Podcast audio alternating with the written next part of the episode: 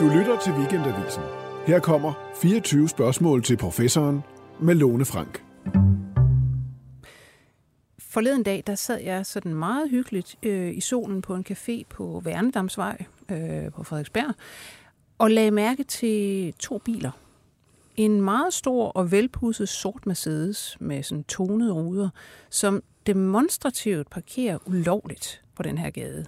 Hvorefter sådan en øh, meget bred mand i øh, sort tøj og store solbriller træder ud. Og bag ham, der parkerer en lille grå bil, og en mand, der ser næsten lige sådan ud, træder ud og følger i hælene på den første. Og den veninde, jeg sad sammen med, og jeg, vi kigger bare på hinanden, og er helt enige om, det her, det er noget med narko. Øhm, Henrik Vi, hvad siger du? Øh, jamen, det kunne jo være narko. Øh, det ved man egentlig ikke. Øh, mange af de folk, jeg taler med, der er engageret i, i, øh, i at smule eller sælge narko, de, de øh, er faktisk ikke til at øh, til udebart at placere på den måde. De ser ikke sådan ud. Okay. Øh, og hvis man ser for sådan narkogangster-agtigt ud, øh, ud så, så øh, drager man ligesom for meget øh, opmærksomhed øh, fra Så det kan godt være, at det har været fuldstændig lovlydige borgere? Det, øh, det kan det være. Øh, men det kunne også godt have været narko. Vi har jo nogle problemer med, med mm. narko. Og det skal vi øh, komme ind på senere. Vi skal nemlig tale om kriminalitet i dag, men vi skal tale om det på en lidt anderledes måde, end man plejer, fordi at du, Henrik Vig, du er jo ikke traditionel kriminolog, men derimod antropolog og professor ved Københavns Universitet. Ja. Og først velkommen til dig. Tak for det. Og på Københavns Universitet, der har du været med til at oprette det, der hedder Center for Global Kriminologi, som er 10 år gammelt. Og det er ret usædvanligt. Hvorfor er det det? Jamen, der er, øh, der er ikke så mange centre for global kriminologi, og det handler egentlig om, hvad, hvad kriminologien traditionelt har været for en størrelse. Så man kan sige, øhm, øh, kriminologien har givet os meget, og givet os utrolig mange interessante øh, forskningsindsigter, og givet os en masse viden om alt muligt. Men som øh, en videnskabelig disciplin, så er den meget, øh, øh, drejer den så meget om, om nationen, så den arbejder med nationale databaser, registre, mm. og øh, arbejder, samarbejder meget med den nationale politi osv. Men er det også typisk øh, jurister, der er kriminologer? Eller Nej, hvad er det, er det sociologer eller jurister traditionelt ja. set. Øh, og, og, på, altså, og det er egentlig ligegyldigt i forhold til, om man er det ene eller det andet, så kan man sige, at det traditionelle genstandsområde for, mm. for kriminologien har været øh, nationalt, så man, man kalder det øh, metodisk nationalisme. Mm. Altså ens primære fokus øh, handler om, om den viden og de processer og de tendenser, man ser inden for nationen. Det er jo egentlig kan man sige, umiddelbart dybt bizart, når man tænker på, at vi på alle mulige andre områder, altså om det er klima, eller det er medicinsk forskning, eller altså pandemi, og hvad som helst, man ved jo godt, at alting er transnationalt. Det er ja. globalt. Og, og hvis der er noget, vi også ved, er det, så er det da øh, kriminalitet. Ja. Så hvorfor i alverden ser man ikke helt naturligt på kriminalitet som et, et globalt genstandsområde? Ja, det er ikke pudsigt. Altså, men der er et andet med, med vores øh, øh, sikkerhed og vores retssikkerhed og retsfølelse og sådan noget.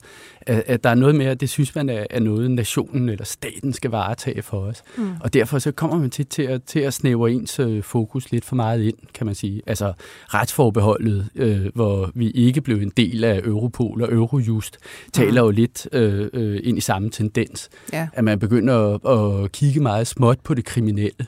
Øhm, fordi man synes, det, det, det er staten, der skal beskytte mig mod det.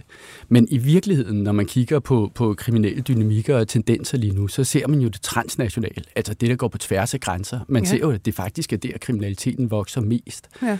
Og det er præcis en af årsagerne til, at vi lavede det her øh, center i sin tid, ja. øh, for, for at få en forsknings fokus og, og, og en samlet gruppe forskere, der kunne grave sig lidt ind i det der og fortælle mm. os noget om, om nogle tendenser, som faktisk er øh, er lidt bekymrende, og, ja. og nogle tendenser, hvor vi har behov for mere, mere mm. viden. Simpelthen. Altså nu er I jo også usædvanlige ved at, at gå hvad skal man sige, antropologisk eller etnografisk til ja. det her med kriminologi. Det må du lige forklare. Hvad, hvad, hvad er det? Hvad består det i, den her tilgang? Altså, ja, øh, så det er også et unikt center, hvad det angår. Etnografisk kriminologi kalder man begrebet, øh, som jo i virkeligheden er, er et metodegreb, hvor man går ud og bor med de folk, man, man undersøger, man hænger ud med dem, man bruger lang tid med dem. Mm. Øh, så, så når vi taler lang tid, taler vi øh, måneder og år og så videre. Øh, I mit eget arbejde har jeg gjort det med øh, øh, folk, der smugler og handler kokain øh, og simpelthen øh, bevæget mig med dem, som de rejser igennem verden fra Vestafrika og op igennem Afrika, ind i Nordafrika og ind i Europa osv. Så, videre. mm. så jeg har fulgt det samme netværk i næsten to årtier, hvor jeg hver år har lavet en håndfuld måneders feltarbejde med den samme gruppe mennesker i virkeligheden. Jamen er det, er det noget, I også, altså, øh, og, og vi, vi tager det her med, med kokain, fordi det er faktisk meget interessant ja. at, at se på det projekt. Ja. Men, men den her metode, er det, er det altid de, de kriminelle, I er ude og følge og, og bo hos, eller, eller, eller hvad er det? Altså. Ja, nej. Så øh, øh, centret er tværfagligt, og, og det arbejder også, hvad vi kalder mixed methods, så det arbejder med flere forskellige øh, metodegreb. Øh, og det vil sige, at vi har jo øh, øh, folk fra jura, der er en del af centret, folk fra sociologi, folk fra økonomi, folk fra psykologi osv., mm-hmm. som har meget forskellige øh, måder at, at gå til verden på rent videnskabeligt.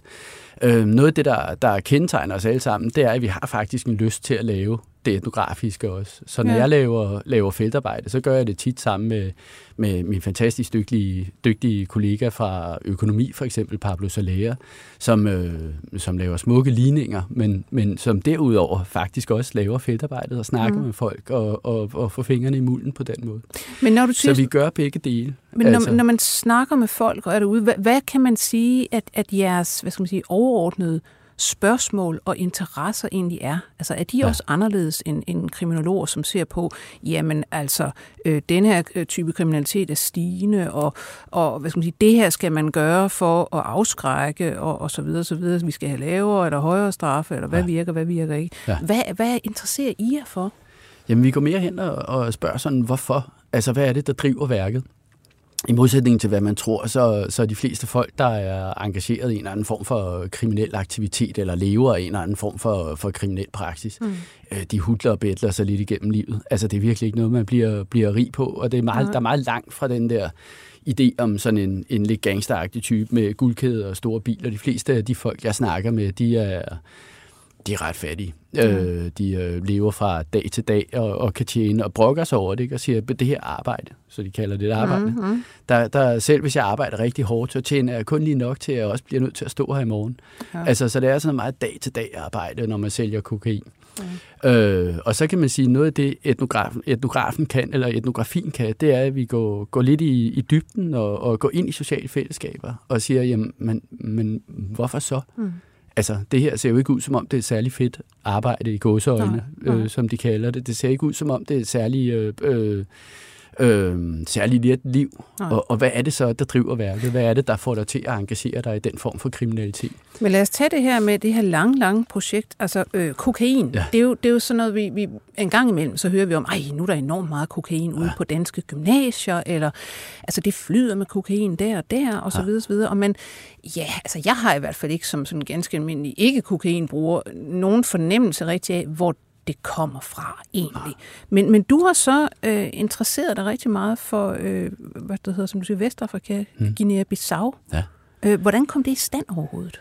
Øh, jamen, det, det kom egentlig i stand, fordi jeg var i gang med at undersøge noget andet. Så jeg havde et forskningsprojekt over en håndfuld år, hvor jeg undersøgte en milits af unge mænd, øh, der var med i en, i en borgerkrig i, i Vestafrika. Og, og det var også, det var, det, altså, i virkeligheden taler jeg stadig med de samme mennesker.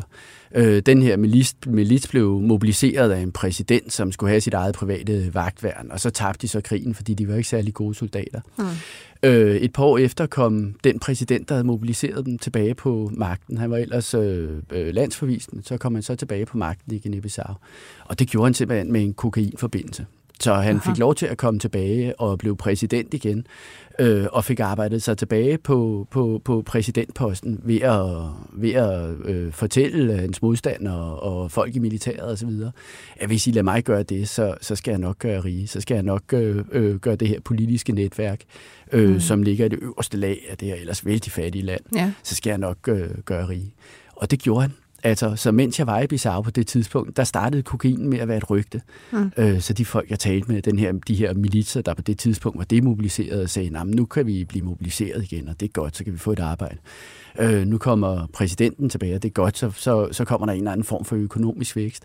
Og så begyndte de at sige, så begyndte der at være det her rygte om, om kokain. Altså, mm. øh, der, der, det er det, der er varen. Men Altså, det, er men det, det må så ind. flyde ind fra, altså det bliver vel dyrket i Sydamerika stadigvæk? Ja, Coca, simpelthen. ikke? Så, så kokainen kommer ind fra, jeg har også lavet feltarbejde i Sydamerika, så kokainen kommer i virkeligheden fra Colombia, fra mm. Peru og Bolivia, og så bliver det så øh, transporteret ned igennem Amazonas, øh, ned til de øh, øh, østlige dele af, af Brasilien, og så bliver det skibet over derfra. Mm. Øh, det er den 10. breddegrad, hedder Highway 10 øh, i kriminologien, fordi Øh, der er så meget trafik på den. Highway 10. Og den, tra- og den trafik er illegal øh, slags. Og det vil sige, det, så bliver det skibet over i, i Bissau på den måde. Mm. Og til at starte med var det mindre, altså mindre øh, mængder, øh, og ret hurtigt så gik det fra at være det her rygte til at være, være gram, der cirkulerede, til at være pakker, der cirkulerede, mm. og til at være hele kilo, der, der cirkulerede i byen. Og ret hurtigt gik det også fra at være noget, der var sådan lidt hemmeligt, til at være fuldstændig offentligt. Altså der Ja. var kartelmedlemmer, der kørte rundt i præsidentens bil osv. Okay.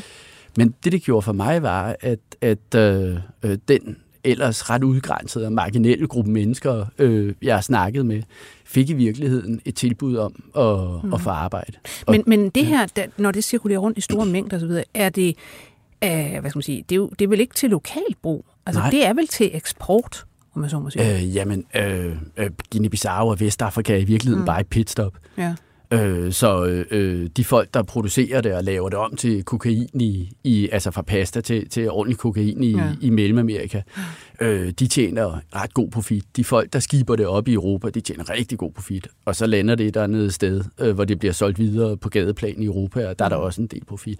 Men så men, lad os men tage... Bissau er, ja. altså Vestafrika er i virkeligheden, man kan godt sige, mm, altså hvis man nu skulle, skulle placere skyld, mm. så, så øh, skylden følger lidt øh, ret ofte profitten i virkeligheden.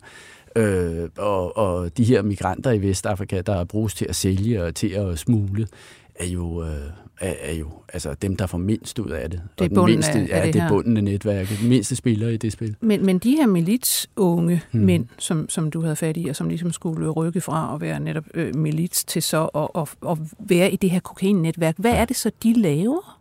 Altså, bliver de, de bliver vel ikke sendt op til Jo, Europa? nogle af dem gør. Ja, men kan de overhovedet komme ind? Øh, ja, det kan man. Mhm. Mm-hmm. Øh, så det, det hedder et myrespor i kriminologien. Øh, så hvis man forestiller sig, når vi tænker kokain, så tænker vi tit, at det er noget, der bliver skibet i ton. Ja. Altså, og det er jo derfor, en gang imellem, så finder man også et kilo kokain i bananerne i Netto, for eksempel. Det er fordi, at kokain bliver skibet ind via øh, øh, bananer, eller i sukker, eller ja. I fisk, frosne fisk ret ofte. Okay. Og det gør det i rigtig store mængder. Øh, så det er det, vi er mest ops på. Men i virkeligheden, det her myrespor øh, øh, er, er jo... Altså det, man, det, det betyder, er, at der er sådan en endeløs mængde af mindre... Mm. Øh, øh, Altså folk, der, altså, der ja, størrelser. spiser Kilo. de det så Ja. ja. i, i, i afsnørede ja, kondomer og sådan noget? ikke? altså æsler. Så Ja. øh, øh, mange af dem øh, øh, har et kilo kokain i maven og får en billet til Europa på den måde. Nogle af dem har det i kufferten, nogle af dem har det i andre kropsåbninger. Ja. Øh, myresporet synes man er, er, man tænker, det gider vi ikke kigge på, fordi hvor stort et problem er det. Mm. Men hvis du har øh, øh, mange kilo, der kommer ind kontinuerligt, øh, Så er det og det, der der er en problemet. så bliver det jo meget hurtigt til Ja. Men, men hvad siger de så med hensyn til, altså, øh, hvorfor, hvorfor de gør det? Øh, altså, som du siger, de, det, er ikke noget, det er ikke noget behageligt arbejde, det der. Nej. Det er formentlig også øh, farligt. Ja, det er super farligt. Øh, og, og de får ikke enormt meget ud af det økonomisk, de her myrer. Nej. Så, så hvorfor? Jamen, øh, så der er to ting til det. Så, så det første, det er, at Bissau er en af verdens fattigste lande, og det bliver det Mm. ved med at være. Og lige nu FN kalder det Afrikas første narkostat. Øh, men på trods af, at det er en narkostat, så for, for den største øh, gruppe øh, mennesker i, i landet, der er det stadig et utroligt svært sted at leve. Mm. Det er et utroligt svært sted at være. Mm. Øh, så, så det er en ting. Det er bare generaliseret fattigdom simpelthen. Det er, Ja. ja. ret, det er ret hårdt land, hvad det angår. Noget andet er, at den her gruppe øh, unge mænd er i en situation, hvor de i virkeligheden forventes snart at blive voksne og begynde at bidrage til mm. husholdets økonomi, men er fuldstændig ude af stand Hvad er til de, at gøre 16, det. 17, 18 år?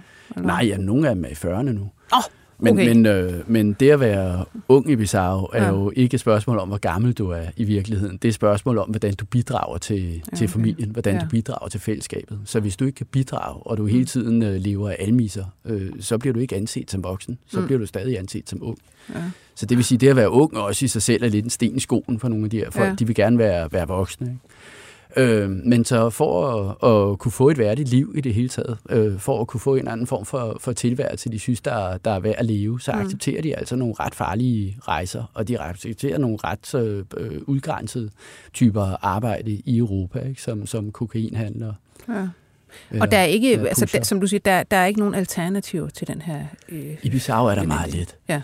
Så der, der sker ikke så meget i forhold til økonomien i Bissau. Ja. Øhm, Bissau er en af de her steder i verden, som i virkeligheden er så marginelle, at de er blevet centralt for noget andet. Altså, ja. der er ikke rigtig nogen råstoffer, der er ikke nogen geopolitiske interesser. Øh, landet øh, udgør, størstedelen af landet udgør øh, øh, en mangrove skovs øh, slash Men er det også sådan noget, man har set på? Altså, nu siger du, præsidenten i virkeligheden altså, kommer ind, og han har så en, en, en eller anden kontakt osv. Altså, har man også siddet i nogle magtfulde karteller, i Colombia, Peru øh, og så videre, og kigget på, her kunne faktisk være et land, der ville være rigtig godt til det her, fordi det er rimelig tæt på Europa, og de har ikke andre muligheder. Ja, ja absolut. Mm. Så kartellerne øh, har to øh, øh, former for interesse i Bissau, tror jeg. Mm. Altså, den første er, at øh, øh Europa meget tydeligt var et, et øh, vækstmarked.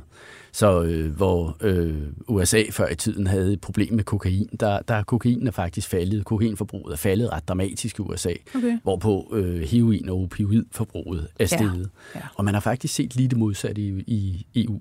Mm-hmm. Så heroin- og opioidforbruget øh, har været faldet igennem de sidste mange år, men, men kokainforbruget har været altså, i eksplosiv vækst. Jamen handler det simpelthen om markedsføring? Eller øh, hvad? Om, jamen, det, det, jamen, det er det, der flyder ind. Jamen, det, det, det handler om tilgængelighed, om udbud ja. og efterspørgsel, simpelthen. Mm. Øh, og det, Men det er jo det bizart, kan... fordi nu tænker jeg som, hvis man nu var stofbruger, altså det er jo to modsatrettede ting, det her. Altså øh, heroin, opioider, det er sådan nogle, der dæmper dig. Ja. Øh, og du lægger os over en anden, ja. øh, du ved, rus. Øh, ja. Kokain er sådan set det modsatte. Du bliver fuldstændig speedet, ikke? Ja. Altså, det, øh. ja. Uppers and downers kalder man det, ikke? Altså ja. noget, der, noget, der altså, gør man skulle der, tro, man havde ja, en særlig smag i, hvilket drug man gerne vil have. Jamen, det har folk også, men noget af det, vi har set i forhold til den øh, vækst i, i kokain, der har været i Danmark, er faktisk, vi har set, at nogle af de gamle øh, opioid-narkomaner mm. øh, er blevet kokain-narkomaner. Øh. Hvilket jo så indikerer, at måske er det nærmere det at være øh, skæv, yeah. der er vigtigt. Altså det er ikke at ja. være i, i ens normale øh, øh, tilstand, som er, er, er det, folk er ude mm. efter. Ja. Men, men det har været en virkelig interessant øh, dynamik at se den måde, hvor, hvor kartellerne faktisk har, har fundet et marked, der er et vækstmarked, der er behov for mere kokain. Mm.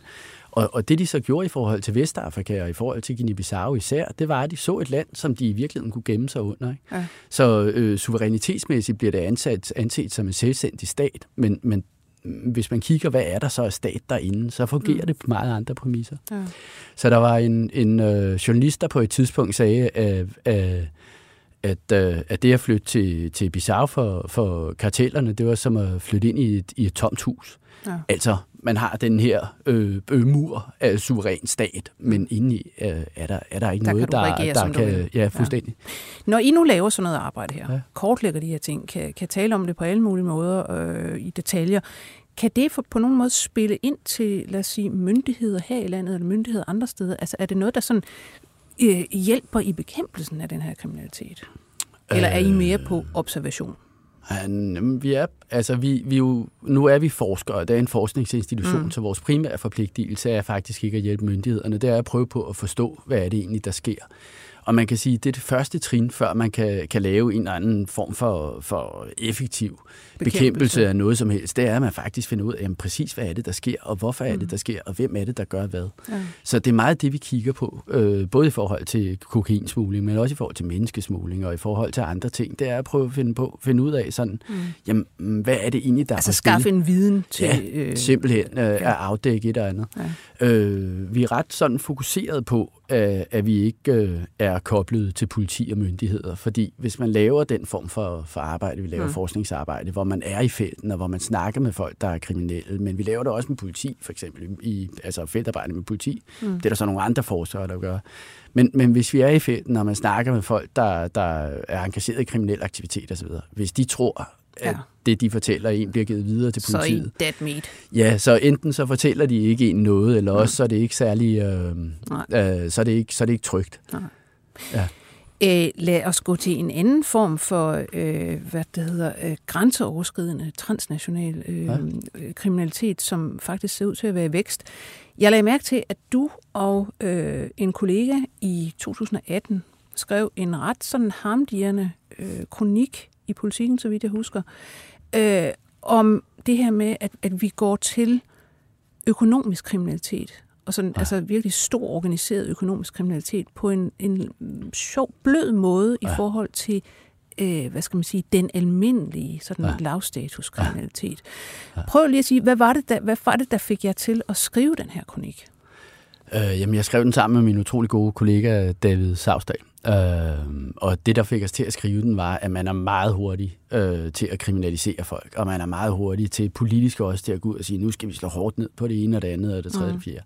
Og noget af det bliver sådan lidt symbolpolitisk. Altså, det er ret nemt at sige, nu skal vi slå hårdt ned på, på gambianske øh, pusher i Istergade, på trods af, at der faktisk ikke er særlig mange. Men man kan godt få et par procentpoint, øh, øh, øh, procentpoints mere popularitet mm. ved at sige det.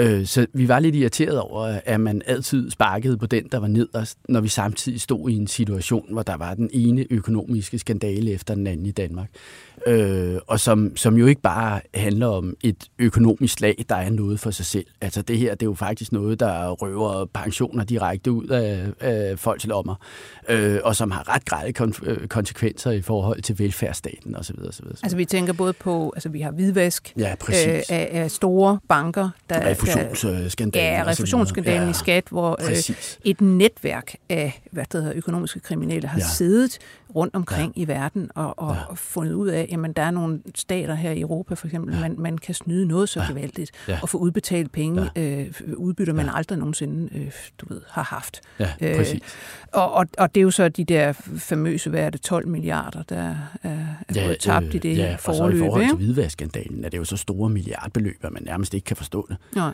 Altså, Øh, men det vi blev, ja, det, altså jeg, og jeg kan, jeg kan stadig blive lidt pikeret over det. Ja. Øh, så, så der er sådan en meget hård kriminalisering af de folk, der er mest tydeligt sådan kriminelle i virkeligheden, eller de folk, der er de allersvageste kriminelle. Men den form for kriminalitet, som har så meget større konsekvenser, og som er så, så relativt brutal en form for kriminalitet, øhm, den, den har vi, for det første har vi ret svært ved at stille folk til ansvar, og for det andet, så, så synes det at bevæge sig i sådan en, en øh, gråzone-logik, hvor man har lidt... Men altså, lige, jamen, lad os lige også... tage det her med at, at stille ja. folk til ansvar. Ikke? Ja. Altså, man har jo da når vi snakker det her med udbytteskandalen, hmm. øh, den famøse øh, Sanjay Shah, har man jo virkelig brugt mange, mange, mange advokatkroner og ting ja. og sager på at få tilbage, og nu ja. ser det ud til, at han faktisk bliver udleveret, ja. så vidt jeg ved. Ikke? Ja. Altså, så man har, har man gjort alt, hvad man overhovedet kunne for at altså også skrabe nogle af pengene ind, og så videre, og så videre. Øh, jo, det har man, men altså, øh, hvidvaskskandalen, den resulterede i gyldent håndtryk, ikke? der er rigtig mange af den her slags skandaler, der, der jo aldrig rigtig øh, øh, har nogen konsekvens. Øh, og det har de ikke, fordi der er sådan en gråzone, man kan bevæge sig i, i forhold til det finansielle. Så det handler i virkeligheden om hele tiden at holde sig på den rette side af loven, men balancere sådan lige på, på, på knivsækket. Men det er vel det, det handler om, altså når du siger netop hvidvask, vi kan alle sammen blive meget, meget forarvet over, mm. at øh, hvad hedder, Borgen, som sad i, i toppen af, mm. af Danske Bank, og nogle af dem, der vel også sad i Estland og så videre, mm. ikke rigtig, ja, de, fik, de får jo altid gyldne håndtryk, disse mm. chefer. Det står jo i deres kontrakt. Ikke? Altså, de skal ja. have et gyldent håndtryk, det får de så. Øh, men men hvis, de ikke, hvis man ikke kan bevise, at de har gjort noget ulovligt, ja. så kan man jo ligesom ikke gøre noget. Nej, men, men det har du også ret i. Men så synes jeg til gengæld godt, at man kan kigge på, jamen, mm, hvordan, hvordan øh, sætter vi til værks i forhold til at bevise, at folk gør noget lovligt? Hvad mm. er det mm. for en indsats, vi har i forhold til det her? Ja. Øh, og der har man jo nu lavet en, et hvidvasksekretariat, som, som arbejder hårdt og laver utrolig interessant arbejde. Men altså, øh, langt hen ad vejen øh, kom det så også, kan man sige, en postgang for sent. Ikke? Ja. Så det er ikke, fordi der ikke sker noget, hvad ja. det angår. Øh, øh, og der bliver lavet noget utroligt godt arbejde i forhold til, til finansiel øh, kriminalitet lige nu. Også fra dansk myndigheders side. Men, øh, men, men, øh, men det er stadig langt nemmere for politikere at kriminalisere og sige, nu slår jeg hårdt ned på den og den lille bitte figur i systemet. Altså, du tænker på for eksempel, og... jamen, det kan være bandemedlemmer, ja, det kan være unge præcis. Øh, indvandrerdrenge, ja. der øh, bliver taget Og hvor man kan sige, at det at kriminalisere er måske ikke engang løsningen der. Vel? Det kan godt være, at der, der er nogle andre tiltag, som, som havde genereret mindre af de problemer, vi ja. så går og bokser med, hvad unge kriminalitet eller bandekriminalitet men, eller narkokriminalitet angår. Men hvis man sådan taler, får noget antropologi ind i det her, mm-hmm. tænker jeg, handler det så også om, at, at vi for eksempel, øh, som sige, os alle sammen, og dermed også politikere, som trods alt et sted er mennesker som os alle sammen, ikke rigtig kan forholde på de her sådan økonomisk kriminelle.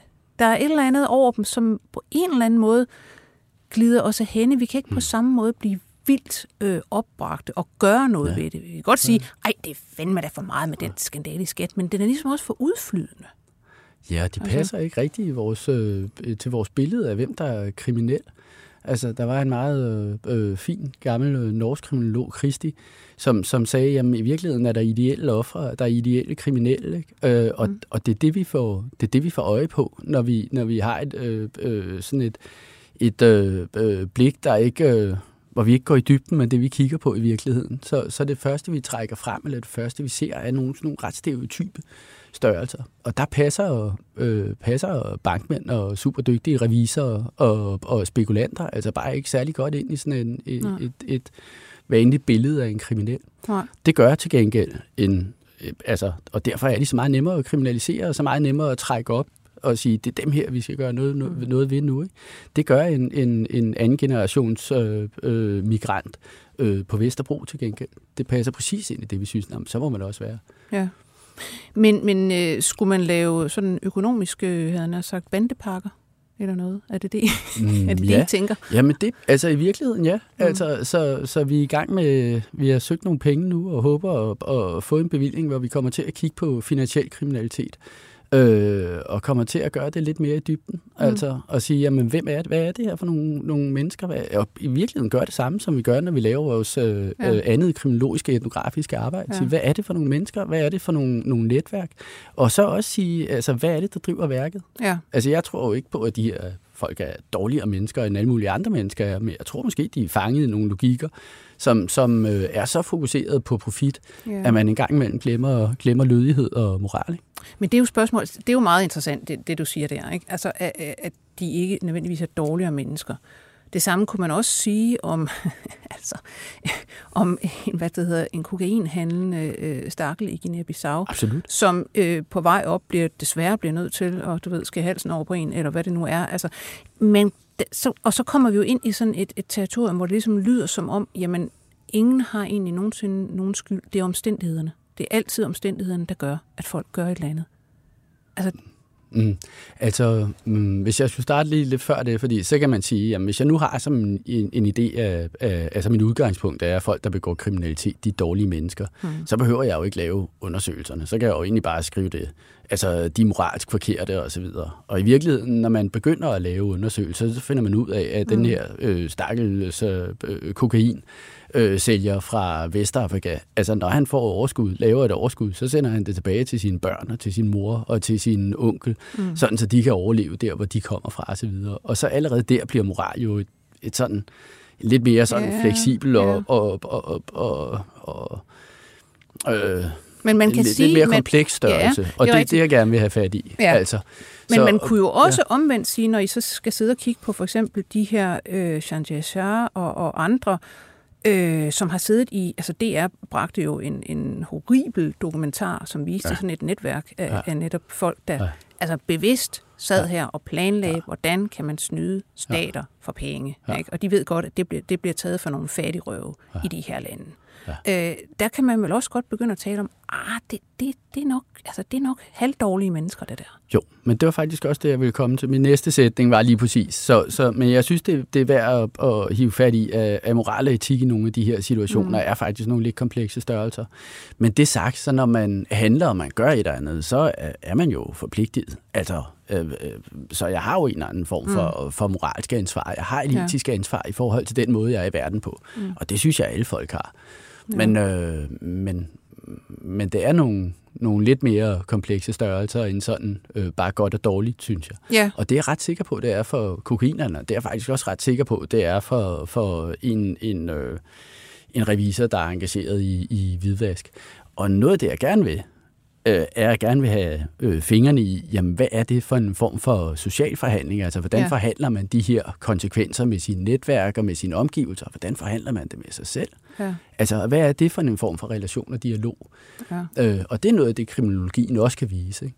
Jo, altså det er jo meget interessant øh, at kigge på i virkeligheden, jamen, hvordan, hvordan rationaliserer man det også som Ja, enkelt præcis. menneske? Altså det er jo Præcis. lidt ligesom at, i virkeligheden at spørge, ja, altså en, en, en tysk vagt i en koncentrationslejr Ja, præcis. eller soldat og sådan noget, Hvor- hvordan kunne du egentlig være med til det der? Ja. Jamen, jamen det, jeg var jo ligesom i hæren, eller jeg, det blev Ja. jeg beordret til, det, Ja. sådan var det. Altså, Ja. Og sådan kan man måske også se en, en Ja. revisor, der, der råder til at, at lave mega skattesnyd. Altså i begge situationer, kan man sige, tror jeg, øh, øh, øh, altså det er svært, det er svært sammenlignelige Ja. størrelser, men i Ja. begge situationer kan man sige, at jeg tror, at de, de er fanget af systemet også. De er jo en del af et system og er kastet ind i en verden, der har nogle forventninger til dem, Mm. og som, som øh, fordrer øh, diverse handlinger og gør andre umulige. Der kan man altså sige, at sådan noget forskning, som I kunne lave i, i de her netværk og de her sociale forhandlinger ja. for økonomisk kri- kriminalitet, kunne måske, altså hvis hvad det hedder, man læste dem fra myndigheder og andres side, kunne måske give en, et input til, jamen, hvordan skal man eventuelt forandre de systemer for så godt som muligt at forhindre Præcis. den slags kriminalitet. Og jeg taler øh, meget gerne med myndigheder, og jeg taler meget gerne med politi. Jeg gør det bare uden at røbe kilder, eller øh, sætte nogle af de folk, der taler med mig, øh, øh, altså gøre dem usikre, eller give dem problemer. Ja, Men altså om de øh, større dynamikker, om øh, logikkerne, om rationalerne, om, om de sociale dynamikker, mm. det vil jeg meget gerne øh, informere om. Mm. Øh, så vi vil også godt have, altså på centret, at vi vil jo gerne have, at der bliver gjort noget ved nogle af de her ting. Mm. Men, men vi kan ikke gøre det via, via, ved at øh, udlevere folk. Det er klart. Ja.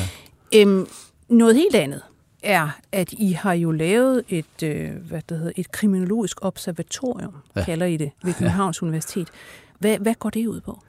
Jamen, det er en del af en, af en lidt større satsning på kriminologien på Københavns Universitet, som er, er tiltrængt. Øh, øh, så Danmark har nogle ret fine kriminologer, der sidder rundt omkring, men, men også Københavns Universitet har også nogle ret altså super gode øh, kriminologer, der sidder rundt omkring. Men der har indtil nu været meget lidt samling. Altså, mm. der har været meget lidt sådan dialog imellem de her forskellige øh, forskere og professorer og hvad det nu ellers er. Så det er noget af det, vi har prøvet på at samle i forhold til centret, og nu gør vi det også i forhold til det her kriminologiske observatorium. Øh, det kriminologiske observatorium lavede vi øh, for at øh, analysere og monitorere øh, kriminelle trends og udviklinger. Øhm, og det har indtil videre har vi meget gjort det på stofmarkedet, altså Ja. i forhold til narko igen. Men i virkeligheden har det fire spor. Så, så det kigger på, på øh, narkotika, det kigger på menneskehandel, det kigger på økonomisk kriminalitet, og så kigger det på miljøkriminalitet. Øh, og det kigger på de fire spor, fordi det er nogle af de steder, vi kan se, at den økonomiske volumen simpelthen vokser mest. Ja. Øhm, og så øh, øh, i modsætning til centret, som har det her meget transnationale, globale fokus, så her der kan vi fokusere lidt mere på, jamen, hvad er konsekvenserne for Danmark? Ja. Øh, hvordan er det, det egentlig påvirker os? Når du siger miljøkriminalitet, hvad, hvad er det så egentlig for noget? Hvad man Jamen, der? miljøkriminalitet er, er folk, der forurener eller laver miljø, skade på miljøet, øh, velvidende af det, det, de gør, men, men øh, fordi det enten er let, eller fordi der er profit i det, eller så hvis man for eksempel tænker på folk, der, der øh, skaffer farligt affald øh, af vejen, så er der jo nogle ret strikse øh, øh, reglementer øh, øh, Mm, og ret ja. strikse sådan øh, øh, øh, lovrammer for, hvordan kommer man af med miljøfarligt affald. Ja. Øh, og fordi det er lidt strikst, og fordi det er svært at komme af med, så er der altså øh, folk og virksomheder, som, øh, som betaler nogen til at dumpe det et andet sted. Så det kunne være et eksempel på miljøkriminalitet, hvor man dumper gift i, i havene, eller man dumper gift i, sjovt nok, øh, utrolig ofte i Vestafrika. Ja. Øh, så så nu, nu følger jeg jo De sender virkelig... kokain nu, op, ja, de får affald tilbage. så, så får de så giftig affald Ja, tilbage i ja, stedet ja. for. Ikke? Ja. Ja. Øhm, så, så det er det, vi kigger på også. Og der har vi, vi været heldige at få en, fået en ret stor bevilling af, af Forskningsrådet til at, til at have det her miljø, fokus på miljøkriminalitet. Det er jo sjovt, altså nu, nu sidder vi jo ofte altså netop og taler om, altså Danmark er et, et, et land med ret lav kriminalitet. Ja, normalt. det er det ikke? også. Og også altså, øh, altså personfarlig kriminalitet osv. osv. Det er faktisk sådan, har været for nedadgående i lang tid. Ja. Ja. Det er ret lavt internationalt set. Men nu siger du, at der for eksempel altså miljøkriminalitet, der, der har vi altså nogle syndere herhjemme, som simpelthen sender noget ud af landet.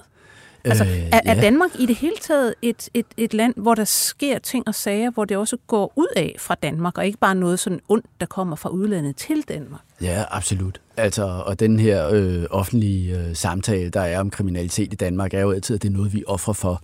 Men altså, hvis vi kigger på narkoområdet, så er det jo for eksempel meget tydeligt, at, at, øh, øh, at Danmark også er et, et epicenter i forhold til, til resten af Norden, når vi kigger på narkotrafik. Øh, Christiania, som, som øh, var et godt og fint eksperiment, er, er jo nu blevet det, vi kalder et drugs hub, altså et sted, ja. Hvor, hvor narkotika bliver handlet og solgt mm. videre. Det er fuldstændig ligesom, vi har den, den nordiske lufthavnshop i Ja. Kastrup, så har vi altså også, Ja. ja. øh, hvad der hedder, dope Ja, hoppen der. Ja, men simpelthen. Ja. Øh, og jeg synes lige, vi skal, vi skal sådan øh, øh, ryste et liv i os selv, og, og, og i forhold til den samtale, der er øh, offentligt omkring det her. Danmark er ikke kun offer for, for øh, kriminelle flows og tendenser, vi er altså øh, ret gode til at bidrage til dem, mm. langt hen ad vejen også. Menneskesmugling, ja.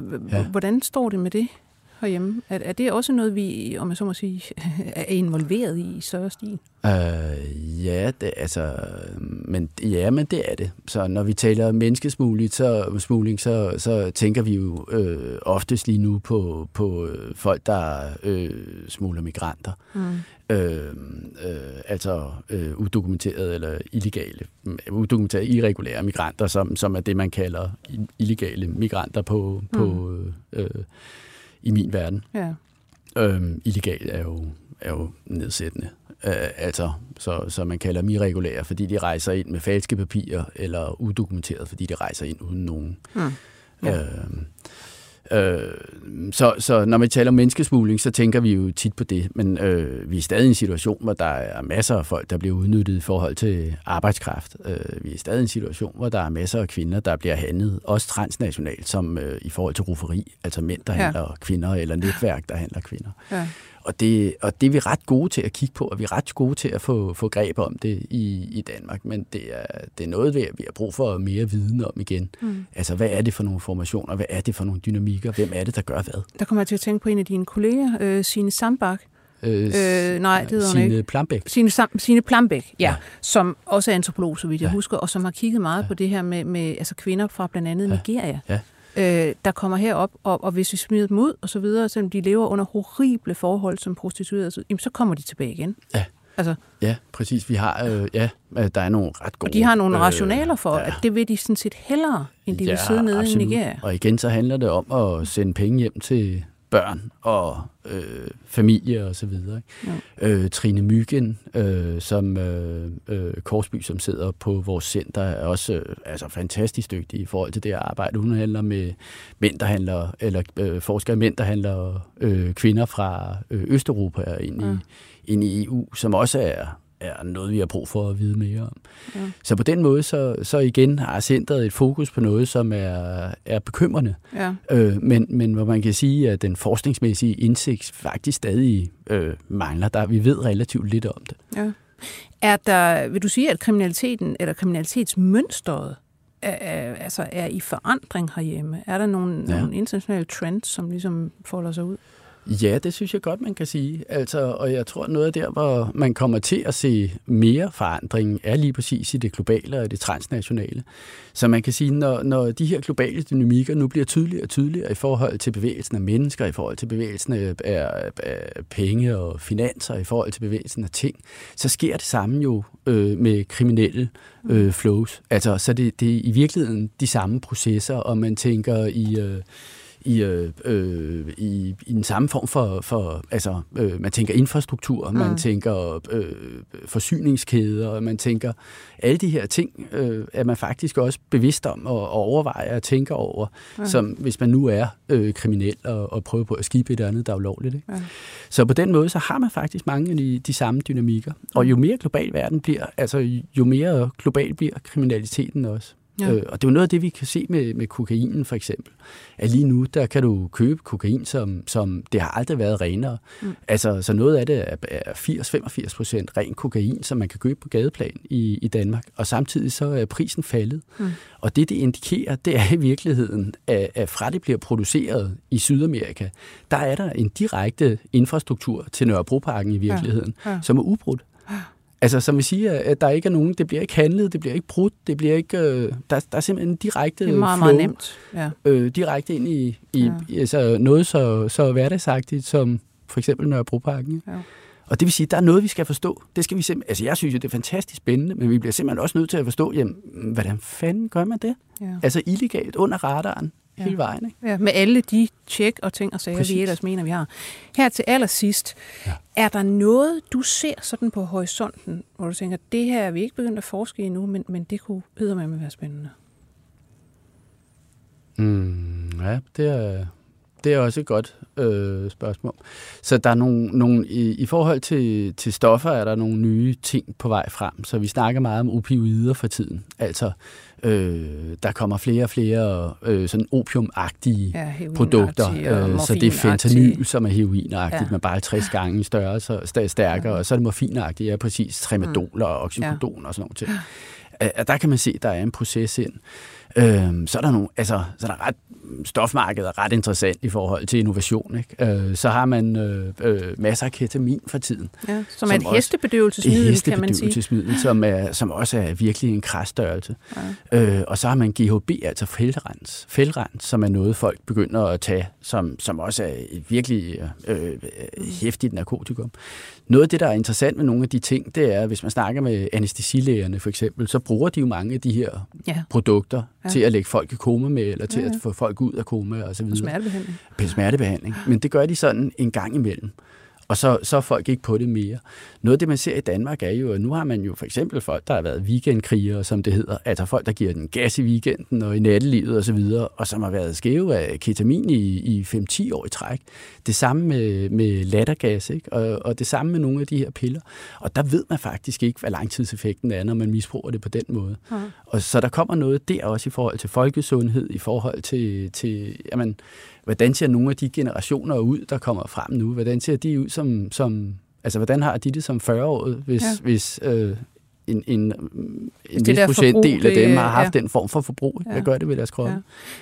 Kan du sige, altså her til allersidst, nu, nu, nu, nu sidder vi og snakker om forbrug, altså hvor mange er det egentlig, vi snakker om, der har et eller andet bekymrende forbrug i Danmark? Jamen, det kom så... Men det, jeg er glad for, at du siger bekymrende. Mm. Øhm, fordi mm, det er tit, når man taler øh, stofmisbrugere, så, så øh, sådan definerer man det i virkeligheden som dem, der en gang om måneden øh, tager stoffer. Og så kan man sige, jamen der er rigtig mange, det er der faktisk utrolig mange i Danmark, der gør. Altså hvis vi taler cannabisprodukter og så videre med, så er der vi snakker vi 20-30 procent altså, af folk. Jeg ved ikke det præcise øh, procenttal, men det er så højt, at man i virkeligheden kommer til at kriminalisere ret mange, ja. eller sygeliggøre ret mange. Øh, hvis vi taler folk, der har, har sådan øh, et, et hårdt stofforbrug. Altså folk, og over der mange år. Ja, over mange år og tager meget og har sådan en, en tilværelse, hvor de ikke uh, helt uh, deler den samme virkelighed som, som os mm. andre, så er, det jo, så er det jo stadig ret få. Mm. Altså vi siger øh, men, men 2 procent, 5 procent? Jamen jeg tør ikke, jeg Nej. kan ikke procenttallet øh, øh, øh, lige her på stående fod. Men altså, men det, er, det, men det er et godt spørgsmål, fordi man taler jo for eksempel om, at det, øh, kokainen er blevet demokratiseret. Mm. Og når vi taler om, at kokainen er blevet demokratiseret, så er det fordi, før i tiden, så var, var kokain noget, som rocker og bandemedlemmer tog, og så var noget bankmænd tog, for eksempel, ja. Ja. eller finansfolk. Mm. Fordi det var, det var ret dårlig kvalitet, og det var alligevel øh, utrolig dyrt, ikke? så man skulle have meget og bruge mange tusind kroner for at, for at holde sig kokain, I gang, ja. kokain, ja, i gang på kokain. Mm. Og når vi siger, at det er blevet demokratiseret, så er det i virkeligheden, fordi lige nu er, er kokain jo Meget noget, øh, her på Danmark tager. Ja. Altså det er fra gymnasieelever til øh, sådan nogle middelalderne udbrændte øh, universitetsfolk som mig. til, øh, til, altså, så det er i virkeligheden, altså, og det er jo en, det er jo en fantastisk, altså nu kommer jeg til at lyde for begejstret, men det er en forskningsmæssig begejstring. Det er jo ja. en fantastisk interessant udvikling. udvikling ja. ikke? Jo. At, at man kan sige, at et stof er, er blevet blevet tilgængeligt og bliver anvendt på den der, øh, eller bliver forbrugt på den måde, øh, som, som var ikke noget, vi havde set for, for, ja. for mange år siden. Men, øh, Så jeg havde en, jeg havde en, en samtale med, øh, med en, en person, der arbejder med, med narkotika øh, for et par uger siden, som, øh, altså i forhold til at forhindre det, som sagde, øh, hvor vi talte om de nye former for, for narkotika, der er på vej ind, og, så, og så meget øh, smukt eller meget interessant sagde til mig, han sagde, hvorfor kan de ikke bare ryge has og tage kokain? Ja. Altså, fordi ja. der er de her nye stoffer på vej ind, og, og så snakkede vi lidt videre, før det dæmrede for mig, at det er faktisk en ret vild sætning. Ikke? Altså, da jeg var ung, der var det sådan, hvorfor kan I ikke bare drikke bajer? Ja. Og da mine børn var unge, så ja. var jeg sådan, hvorfor kan I ikke bare drikke bajer og ryge pot? Mm. Og nu er man altså derhen, hvor... hvor Kunne I ikke øh, bare tage kokain? Ja, altså, ja. Hvor, hvor bundlinjen er, men hvorfor kan I ikke bare, hvorfor skal I tage alt det der farlige? Hvorfor kan I ikke bare ryge has og tage, tage kokain? kokain? Ved du hvad, det... Øh, altså, så det, der sker noget der, der, der er ret, øh, ret det, vildt og, og, og, og flippet at følge med i, altså også forskningsmæssigt det spørgsmål her, det synes jeg sådan set skal være, øh, skal, skal være det, vi går ud på. Hvorfor kan I ikke bare ryge noget hash og tage noget kokain? Ja. Øh, det kan være, at du kan svare på det, når du øh, kommer ind om, om, om forrige år, Henrik Vig. Tusind tak, fordi du var her i dag. Mm, tak for indbydelsen. Og jeg skal sige, at du jo stadigvæk er antropolog og professor ved Københavns Universitet. Jeg skal også sige, at vi var i dag produceret af Birgit Nissen. Jeg hedder Lone Frank. På genhør. 24 spørgsmål til professoren er støttet af Carlsbergfondet.